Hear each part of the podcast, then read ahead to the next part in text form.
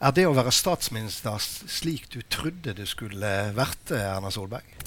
Ja, Stort sett er det det. Eh, det er klart eh, det er noen områder som er blitt større i politikken, og ikke minst de internasjonale spørsmålene større enn det vi forutså i 2013. Eh, og så er det noen områder som er blitt enklere enn man kanskje forutså. Jeg for eksempel, var mange som hadde store forventninger til at det skulle bli veldig vanskelig med samarbeidet i regjering. Det mener jeg faktisk har gått bedre enn en mange spådde på forhånd. Velkommen, eh, statsminister eh, Erna Solberg. Dette er To mot én. Vi skal bl.a. snakke om Middelhavet. Det er snart ti måneder siden italienerne ba omverdenen, eh, særlig Europa, om hjelp mm. til krisen i Middelhavet. Hvorfor tok det så lang tid før Norge bestemte seg for å bidra? Altså når jeg var i, Italia for ti måneder siden og snakket om dette, så var det jo faktisk for jeg som sa at vi var forberedt på å hjelpe. Eh, og eh, italienerne ønsket seg en europeisk operasjon. Den kom jo på plass eh, eh, til nyttår. Eh, en litt annerledes operasjon enn den italienerne har hatt selv. Uh, og så har vi nå vært i dialog om hva vi kan bidra med. Vi har jo bidratt til Frontex-operasjonene eh, på personellsiden og med annet, men det har vært ganske lite. Mm. Uh, men vi har vært i dialog nå de siste månedene om, om hvilke forsterkede tiltak, og det da har resultert i at vi har sagt ja til å sende en båt. Rederiforbundet har eh, kalt dette en ubegripelig mangel på handlekraft fra, eh, fra europeiske land. Og i eh, NRK på mandag så kom det fram at de har advart i snart et år, og de har venta på at regjeringa skal si hva den ønsker av skip og støtte. Eh, er dette et eh, strålende eksempel på den handlekraft som de regjering gjerne vil bli identifisert med? Sånn det har vært en stor operasjon fra italienske myndigheter helt frem til jul. Mare Nostrum som jeg var besøkt i fjor. Og så er det blitt overtatt av EU eh, sin operasjon Triton nå eh, etter. Eh, og, det, om, og da har det altså vært tilstedeværelse, det har vært hjelpeapparat, det har vært et system til stede eh, i i Middelhavet. Så kan vi godt si at vi skulle vært raskere på, eller annet, men vi har altså jobbet med å finne frem til et godt bidrag. Vi har vært i dialog med EU, og vi har sagt vi skal bidra mer hvis det trengs. Er kritikken fra dine egne i Rederiforbundet forfeila? Jeg kaller ikke noen i Rederiforbundet for mine egne. Altså, de har nok ønsket et større engasjement, men Norge kan ikke gå inn og gjøre dette selv. Vi har sagt at vi skal gjøre det som en del av den EU-operasjonen gjennom Frontex. Eh, og, de, og vi bidrar med eh, med hjelp, og vi kommer til å bidra mer med hjelp. Norge er en profilert sjøfartsnasjon. Ja, ja, og vi bidrar, har bidratt mye internasjonalt. Men husk at vi i fjor tok et stort løft på å ta ut de kjemiske våpnene fra Syria. Vi tok et stort løft med å delta i Adenbukten. Vi har gjort ganske mye på det militære området eh, knyttet til situasjonen og den vanskelige, spente situasjonen som er internasjonalt. Hadde vi ikke hatt de store tragediene vi har hatt den siste uken i Middelhavet, hadde beslutningen tatt enda lengre tid? Altså vi, eh, vi, hadde jo da den dialogen som bl.a. medførte at det var møter i Warszawa tidlig i forrige uke. Det var jo før disse. Og det var jo da man fikk frem eh, dette 1.8 var det tidspunktet EU ønsket å få en båt fra Norge til. Og så har jo vi vedtatt at eh, vi skal uh, kunne stille tidligere enn det hvis det er ønskelig, og det, uh, når vi har det på plass. Og det kommer vi til å understreke overfor EU. Eh, hva er det som hindrer at rike Norge kan ta imot eh, 10 000 syriske kvoteflyktninger i løpet av to år, på bakgrunn av den enorme humanitære katastrofen som vi ser i Syria. At det nødvendigvis ikke er den lureste måten å bruke pengene på, vil jeg si er det viktigste. Det finnes altså millioner av flyktninger. Det er fire store humanitære katastrofer på én gang i verden. Og da er det minst effektive tiltak å hente en gruppe til Norge fremfor å bruke de pengene på å hjelpe i nærområdene. Vi bruker nå mye mer penger på å hjelpe i nærområdene enn det vi noen gang tidligere har gjort. Og vi kommer til å fortsette å styrke det. Det er veldig store behov. Og da blir symbolspørsmålet om hvor mange kvoteflyktninger vi tar til Norge, en, eh, synes jeg, et, en litt feilsporing av hvor eh, vi virkelig kan gjøre noe med de store humanitære katastrofene. Så er det sånn at vi tar imot kvoteflyktninger. Men vi har også mange asylsøkere som har fått opphold fordi de kommer fra også Syria, som sitter og venter på å starte livet sitt i Norge. Det er en utfordring med å skaffe nok boliger ute. Det er en utfordring med å sørge for at integreringssystemene kan ta unna de som kommer. Vi kan ikke bare si at vi skal ta de her og putte de i en teltleir i Norge. Vi forventer at de skal inn i en leilighet, de skal på norskkurs, de skal gjøre hvis, Det er krevende. hvis, uh, hvis det blir flertall i Stortinget for dette Arbeiderpartiet har vedtatt det på sitt landsmøte. Venstre, samarbeidspartneren uh, i Mm. Stortinget, har vedtatt det på sitt landsmøte. Vi kan, det er ikke usannsynlig at KrF uh, kommer med lignende ståsted, og SV kan bli med på det. Dere kan få et flertall mot dere i Stortinget i den saken. Hva gjør det med samarbeidet i regjeringen, med regjeringen og mellompartiene? Jeg skal først spekulere i de spørsmålene hvis det faktisk blir, blir sånn. Eh, det er lov for oss å argumentere med at vi tror faktisk at å hjelpe i nærområdene er det beste.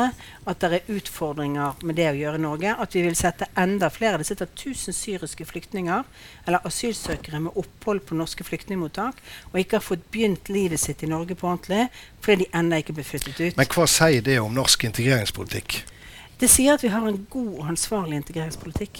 Det At det du sitter og venter 1000? Nei, altså Det sier at det er ganske krevende for kommunene når de kommer. Det er, de skal skaffes bolig, de skal skaffes eh, norskopplæring, det skal sørges for et integreringsopplegg.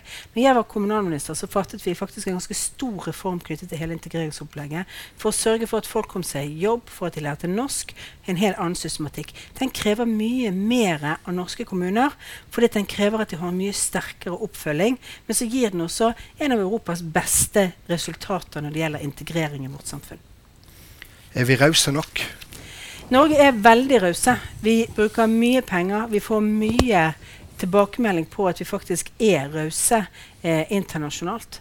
Eh, det er ingen som klager på at Norge gjør for lite i disse krisene, men de ønsker seg selvfølgelig mer. Hvis vi måler oss mot det nabolandene våre gjør, så bruker vi altså både det dobbelte og det tredobbelte av nabolandene våre knyttet til f.eks. krisen rundt Irak og Syria. Har vi grunn til å være stolte av oss sjøl? Altså, jeg er ikke så opptatt av at vi skal være stolte. Jeg er opptatt av at vi skal, ehm, at vi skal uh, følge uh, opp på verdens fattigste. Vi skal følge opp på den langsiktige utviklingspolitikken, og vi skal følge opp i humanitære kriser. Nettopp fordi vi er et rikt land og har mulighet til å gjøre det. Og vi skal vise den medmenneskeligheten og forståelsen av at vi er én samlet verden. Eh, nå skal vi over til en liten bolk med noe som eh, ofte politikere misliker, nemlig ja-nei-spørsmål. Eh, og noen av oss, jeg er en av dem, har hatt eh, glede av å kjøre Segway. Har du det? Nei, aldri. Aldri hatt interesse for det heller. Og Det hørtes ikke ut som om du hadde tenkt å prøve? Nei, altså Det ser jo litt morsomt ut når jeg er i utlandet og ser sånne turister som står på det, men jeg syns det er morsomst å se på dem, tror jeg. Har eh, Siv Jensen rett i at denne regjeringen oppfyller Frp sitt løfte om eh, statlig finansiert eldreomsorg? Vi, vi skal innføre nå et forsøk på statlig finansiert eh, eldreomsorg. og Det er et stykke på vei. Men vi innfører jo ikke en stor reform hvor alt overføres til staten. Kan en innstramming i sykelønnsordningen bidra til lavere sykefravær? Eh, den kan bidra til lavere sykefravær, men det er ikke sikkert at det er lurt å gjøre det, for det kan også ha noen kostnader ved seg som jeg mener ikke eh, nødvendigvis gjør at vi skal gjennomføre det. Velger, I form av tapte velgere? Nei, også i form av at det er grupper som er i arbeidslivet i dag, som vil få det vanskeligere i arbeidslivet. Så vi har flere mål i vår arbeidslivspolitikk. En av de er å få ned sykefraværet. For det at sykefravær, langtidssykefravær ofte leder til at du ramler utenfor etter hvert fra arbeidslivet. Det å ha en aktiv politikk for å få deg raskt tilbake, det er faktisk noe av det viktigste vi gjør. Eh, og så er det en del marginale Så- grupper som vi får få Så da blir det eh, nei, for så vidt. Eh, Nei, ja. Hvis du, Det spør, kan hvis du spør meg retorisk om det kan medføre at tallet på sykefravær eh, går ned, ja, men det kan bety at tallet på andre sider på de som ikke er med i arbeidslivet, øker. Og Det er derfor vi må ha den gode, inkluderende politikken. Det er imponerende ja-nei-svar på Ja, men vet at verden, er, verden er ikke svart-hvitt. Jeg tror likevel vi prøver oss. Jeg Sett i ettertid var det feil å fremme forslaget om legers reservasjonsrett. Det var ikke Høyres forslag. Det var et kompromiss med Frp. Nei, med, med KrF, og som, som det var et ønske. Og, da, eh, og jeg er den typen Undertegner jeg avtaler med andre, så forsøker jeg å holde de. Eh, sist jeg så en måling på søndagsåpne butikker, så var 67% av befolkninga skeptiske eller eh, mot det. Opplever du et folkekrav? Nei, jeg opplever ikke et folkekrav for søndagsåpne butikker. Eh, jeg opplevde ikke et folk... altså, jeg, tror ikke, jeg tror mange vil si at det var ikke et folkekrav når vi utvidet åpningstidene litt mer for noen år tilbake heller, men folk er veldig fornøyd med at vi har gjort det etterpå. Og noen ganger så er det sånn at forandring, eh, eh, større frihet, i ettertid ses på som et utrolig gode. Men det var jo mange som mente at det var veldig leit hvis vi, eh, hvis vi skulle ha flere TV-kanaler enn NRK en gang i tiden. Vil eh, regjeringen utvide kontantstøtten til å inkludere toåringer? Eh, vi har eh, Ja eller nei? altså, jeg kan ikke si ja eller nei, for det er jo et budsjettspørsmål også. Eh, og for øyeblikk, ja, ja, og, det, vi har det som grunnlag for, for uh, det vi skal gjøre. Men det er ikke alle tingene vi nødvendigvis prioriterer i første område. Har du vært irritert på noen i partiledelsen i Frp det siste halvannet året? Jeg har vært irritert på eh, folk i partiledelsen i nesten alle partier i løpet av det siste året, men det går veldig fort over. Inkludert ditt eget. Eh, nei. altså Bent og Jan Tore oppfører seg alltid ordentlig. Men det er jo, hvis, ikke man, hvis man ikke som politiker kan bli irritert på hva andre sier, om det er fra Arbeiderpartiet, KrF, Venstre eller Frp, ja, så, så bør man ikke være politiker, for man skal ha følelseslivet sitt med i den jobben man gjør. Apropos eh, irritasjon og apropos Frp. Eh, vi skal snakke litt om samarbeid og om ledelse. Hva syns du at en sak som omhandler rundt regnet 100 barn, asylbarn, er den saken vi husker fra den politiske vinteren 2015? Det er ofte sånn at uh, du kan stille spørsmål om hvilke saker man husker. Eh, for det, eh, I forhold til størrelsen eller betydningen. Det er aldri de store, viktige sakene som er de som man husker best. Eh, det er bl.a. fordi det ofte ikke er så lett å ha svart-hvitt-konflikter knyttet til det. Du er blitt eh, kritisert pga. leierskapen din nettopp i den saka. Og vil du si at det er godt eh, leierskap å la eh, Fremskrittspartiet, Venstre og Kristelig Folkeparti krangle for åpen scene om denne saka i en hel vinter? Eh, jeg tror Av og til så skal man eh, undervurdere at av og til trenger man tid for å bli enig og finne frem til løsningene eh, på disse sakene. Og så har det vært en dynamikk i saken som kanskje ikke vi forutså eh, opprinnelig. Men, men, men det å tro at du ikke vil få en diskusjon eh, på et ganske, ganske sterkt eh, spørsmål, nemlig det at du skal flytte gjennomføringstidspunktet for en forskrift eh, til et tidligere tidspunkt ved å behandle på nytt igjen saker som er ferdigbehandlet. Var det ikke nettopp det at saken fikk dra ut i langdrag som gjorde at han ble satt så på spissen, og både KrF og Frp og Venstre stilte seg eh, i hjørnene sine og brukte en veldig hyllet retorikk? Men det kan være at den tiden var nødvendig for å finne frem til løsningen òg. Hvordan vil du si at eh, Per Sandberg bidrar til et godt samarbeidsklima på borgerlig side? Jeg har ikke tenkt å kommentere enkeltpolitikere. Jeg. Altså, mange politikere har ulike roller i partiene sine, og det skal man respektere. Drømmen din var ei firepartiregjering. Bærer du fremdeles på den drømmen? Ja, det gjør jeg. Og mange mente at det ville bli veldig vanskelig å få, få styring de fire, mellom de fire partiene. På nesten alle områder har vi denne våren vist at vi klarer å finne frem til gode løsninger. Vi har hatt én sak som har vært eh, vanskelig, og det har vært asylbarna. For øvrig så har vi også blitt enige om eh, eh, klimamålene frem til 2030. Noe de fleste før valget i 2013 ville trodd var utrolig vanskelig å få til. Det gjorde vi uten at det ble noe som helst språk. Vi har fått til endringer i arbeidsmiljøloven i Stortinget. Vi har fått til eh, vår, vårt ønske om å sørge for at eh, rus og psykisk helsevern skal prioriteres gjennom fritt behandlingsvalg. Mange av de store reformene de store, har vi funnet gode løsninger på i Stortinget. Men, men i høst, etter dere la frem statsbudsjett, da kom egentlig det første fallet på meningsmålingene. Litt for Høyre og ganske mye mer på Frp. og det har ligget sånn, eh, Høyre har tatt seg litt opp igjen. Hvordan skal du unngå et tilsvarende fall etter at budsjettet blir lagt frem i høsten som kommer? Ingen tvil om at det budsjettet vi hadde i fjor høst, inneholdt også innstramninger og endringer på et tidspunkt hvor jeg tror ikke folk var klar over den omstillingsbehovet vi står foran som nasjon. Jeg har brukt mye tid eh, det siste året på å snakke om det faktum at Norge er på vei inn i en omstilling. Vi må gjøre tydelig prioritering av det som gir vekstkraft, og vi må sørge for noen reformer og endringer i vårt samfunn. Men hadde ikke samarbeidspartiene fått med seg det omstillingsbehovet heller?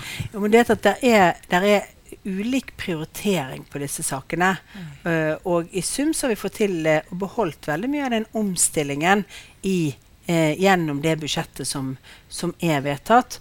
Men det er klart at de har egne prioriteringer. Og så har vi lært litt av debatten. For det er klart at det som før kunne være en enkel diskusjon om at man var uenig, blir av og til brukt adjektiver som jeg syns er helt unødvendig når man er samarbeidspartier om hverandre.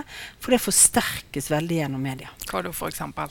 Jeg har ikke tenkt å bruke, jeg ripper ikke opp i gamle ting. Jeg tror at det bare gir dårlige medieoppslag på nytt igjen. Jeg vet det. Er det jeg skjønner jo hva dere bruker etterpå. tullepartiet? Er det et sånt uttrykk? Ja, jeg syns ikke noen partier er tulleparti på Stortinget. Jeg tror vi skal respektere velgerne med å si at, eh, at eh, når, de, når, de, når de har stemt inn partier på Stortinget, så skal vi ta alle partier seriøst.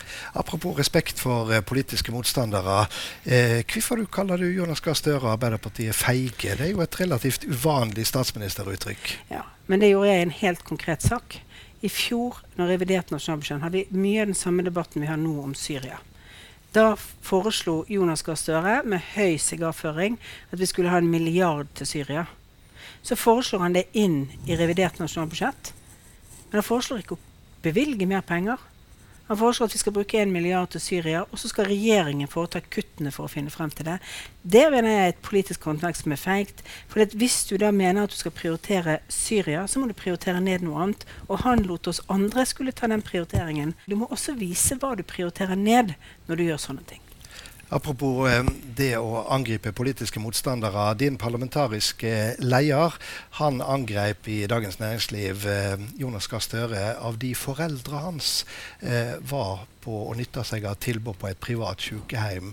Eh, er det en type politisk retorikk som du vil oppfordre eh, dine partifeller til i tida fremover?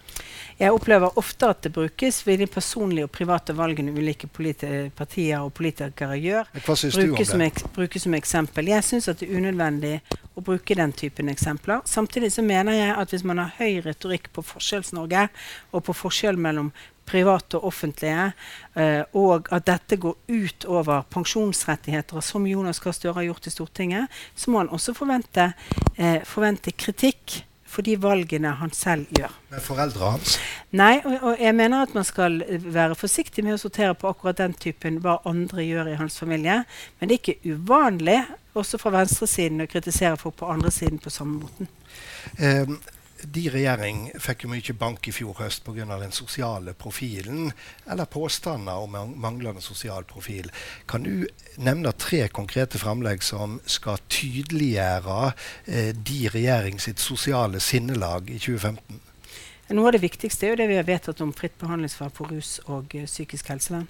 Eh, noe av det eh, mest håpløse vi har i Norge, er jo at vi har lange køer for folk som ønsker å komme ut av et rushelvete. Eh, og det vi gjør, er at vi betaler for behandlingen av det, altså for avrusningen, og så har de fått tidligere beskjed om at de må vente tre måneder på en behandlingsplass. Det er egentlig bortkastede penger, for da har folk ramlet ut. Nå lager vi et system hvor det er bedre sammenheng, hvor vi sørger for at vi har mer kapasitet, også i det offentlige, men vi også bidrar til at du kan ha fritt behandlingsvalg på det området. Det er for de absolutt svakeste eh, vi har. Så sørger vi for at eh, barnehageprisene går ned for de med lavest inntekt. Eh, det var en del av eh, samarbeidet med KrF og Venstre som lå i, i erklæringen. Men det kommer altså til å skje fra 1. mai. I år så kommer prisen på barnehager til å gå ned eh, for de som har lavest inntekter i Norge. Og så er det kanskje aller viktigste sosiale tiltaket vi gjør, det er å sørge for at skolen lærer barn mer. For det er det som viser at har det beste grepet på sosial utjevning. Arbeiderpartiet de foretok et linjeskifte i en eh, 14-15-16 saker på landsmøtet som nett er eh, ferdig. Hva av de linjeskiftene er du mest glad for? Det spørs jo hva du mener med 'glad for'. Eh, for. Som politisk motstander så kan man jo være glad for at de beveger seg lenger vekk fra deg, sånn at du har større politisk eh, eh, handlingsrom. Eh, eller du kan være lei deg for det, for det kan være behov for å, for å bygge et stort fellesskap rundt det. Det jeg er mest forbauset over, eller er jo egentlig at etter så mange år hvor Arbeiderpartiet har forsøkt å klistre seg opp til vår skolepolitikk, eh, ligge tett på kunnskapsfokuset, så har de åpenbart på dette landsmøtet valgt å forsøke å stikke av med SV sin skolepolitikk, som jo eh, beveger seg ganske i en annen retning enn det som har vært fokus på kunnskap og kompetanse. Noe av det første Jens Stoltenberg gjorde da han ble statsminister første gangen, det var å sette i gang en eh, god del reformer. Han var også ferske Ap-leder.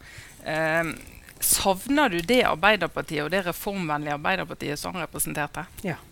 Jeg savner. Altså, jeg, jeg- jeg opplever at på store reformer som vi har satt i gang, som jeg mener ikke er partipolitiske egentlig, så har Arbeiderpartiet satt seg på linjen. De har vært invitert til å være med i forhold til diskusjonen om kommunereformen. Det ville de ikke. De ble invitert til å være med på diskusjonen om hvordan politireformen skulle utformes. Det ville de heller ikke. Du opplever et mindre konstruktivt Arbeiderparti under Jonas Gahr Støre enn under Jens Stoltenberg?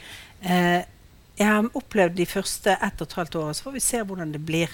Jeg mener Jonas Gahr Støre er konstruktiv på mange områder.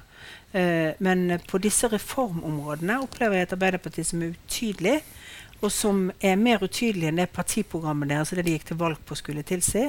Og dette er jo store reformer som, som, Norge trenger fremover for å sørge for at det velferdssamfunnet våre barn får, er like godt som det vi har fått. Erna Solberg, ja.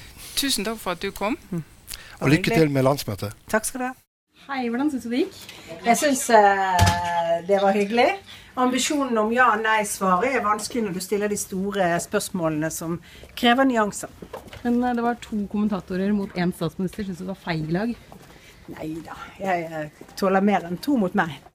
Vi stilte spørsmål om ditt lederskap, spesielt i asylbarnsaken. Er du lei av å få det spørsmålet? Eh, nei da. Eh, men eh, eh, det må folk, folk, gjerne stille spørsmål om.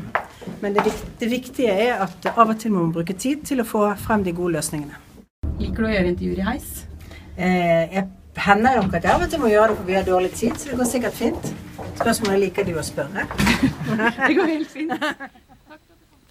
Ja, Trine, vi har jo akkurat hatt en statsminister i studio som uh, har fått uh, ganske mye bank på vegne av sin regjering de siste månedene. Men det var jo ikke akkurat noe defensiv Erna Solberg vi møtte. Nei, altså, jeg tror hun genuint mener at det er bra for denne regjeringen og samarbeidet at de bruker mye tid på, på disse sakene. Men jeg, men jeg, mener jo at både målingene og diskusjonene og det som blir fokuset i verden utenom, viser at det ikke er det. Så jeg, jeg tenker at hun bør utfordres enda mer på evnen til å ta tak i ting og sørge for at de faktisk blir avklart mye raskere. Og bør skjerpe seg. Skjerpe seg litt. Må det. Det må alle. Og samtidig, og, kanskje ikke medarbeidersamtale, Erna Solberg, vet du, bare med velgerne. ja, for det som foregår på Slottet, er vel ikke akkurat medarbeidersamtale. Eller så syns jeg det er interessant eh, det hun sier om Arbeiderpartiet. Hvordan hun opplever Arbeiderpartiet som mindre konstruktivt. Savner eh, Jens. Nå. Savner Jens. Mm. Eh, etter åtte år i posisjon så vil Arbeiderpartiet ha et frislepp. Det er eh, interessant. Du må nå toget. Jeg skal til Lillehammer og snakke til en veldig interessant. Da kan vi fortsette i uh, bilen. Nei, jeg føler at Denne frustrasjonen i Arbeiderpartiet, nemlig, nei, i Høyre over Arbeiderpartiet, den sitter, den sitter ganske dypt nå i ferd med å bygge seg opp. De syns virkelig at de sleper beina etter seg i de store formene. Og de trenger jo å ha de med seg på laget. Sant? Nettopp. Og det er det jeg syns er ganske spennende. Fordi mm. at denne regjeringa har jo tatt mål av seg til å sette varige spor etter seg. Og det er klart med et eh, mildt sagt halvhjertet Arbeiderpartiet, og med et Kristelig Folkeparti og Venstre som heller ikke er entusiastiske overfor eh, de store reformene, så er det eh, en hodebry for nettopp en statsminister som sitter med ansvaret. Men eh, et annet tema, Trine.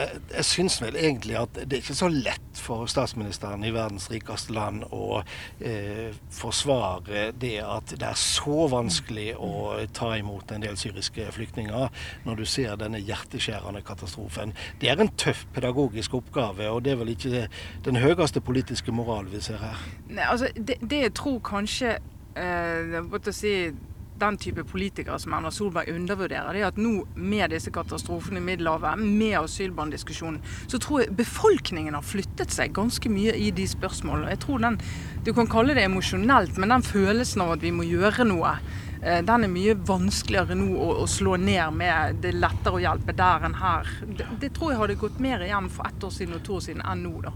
Og dette er jo emosjonelt, men Gud bedre, det er jo også reelt så det holder. Det er jo enormt sant? konkret. Ja. sant?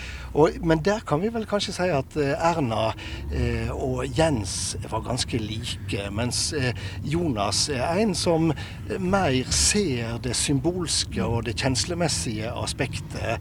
Eh, du, kan du være med på noe ja, sånn? Ja, jeg er med på det. Og både Erna Solberg og Jens Stoltenberg er jo kanskje det har litt det til felles at når det kommer sånne verdispørsmål som treffer hjertet mer enn hjernen, så det er ikke der de er best på å, å skjønne hva som rører seg i befolkningen. Men uh, før jeg nå springer som bare det for å rekke toget, så kan vi vel slå fast at uh, dette er en statsminister som uh, har lyst til å fortsette en stund til? Ja, det har hun. Hun, tro, hun tror på det. Jeg lurer på om hun tror på det med firepartiregjering. Tror, tror nei, hun tror på det? Nei, det, hun bare sier det? Det tror jeg hun bare sier. Ja, Men så tror jeg hun er ganske flink til å finne løsninger når hun ser at drømmen, ja. den vi alle bærer på, den, den, den, den, går ikke i oppfyllelse. Og slik er nå engang politikk. Det er det muliges kunst. Sånn er det.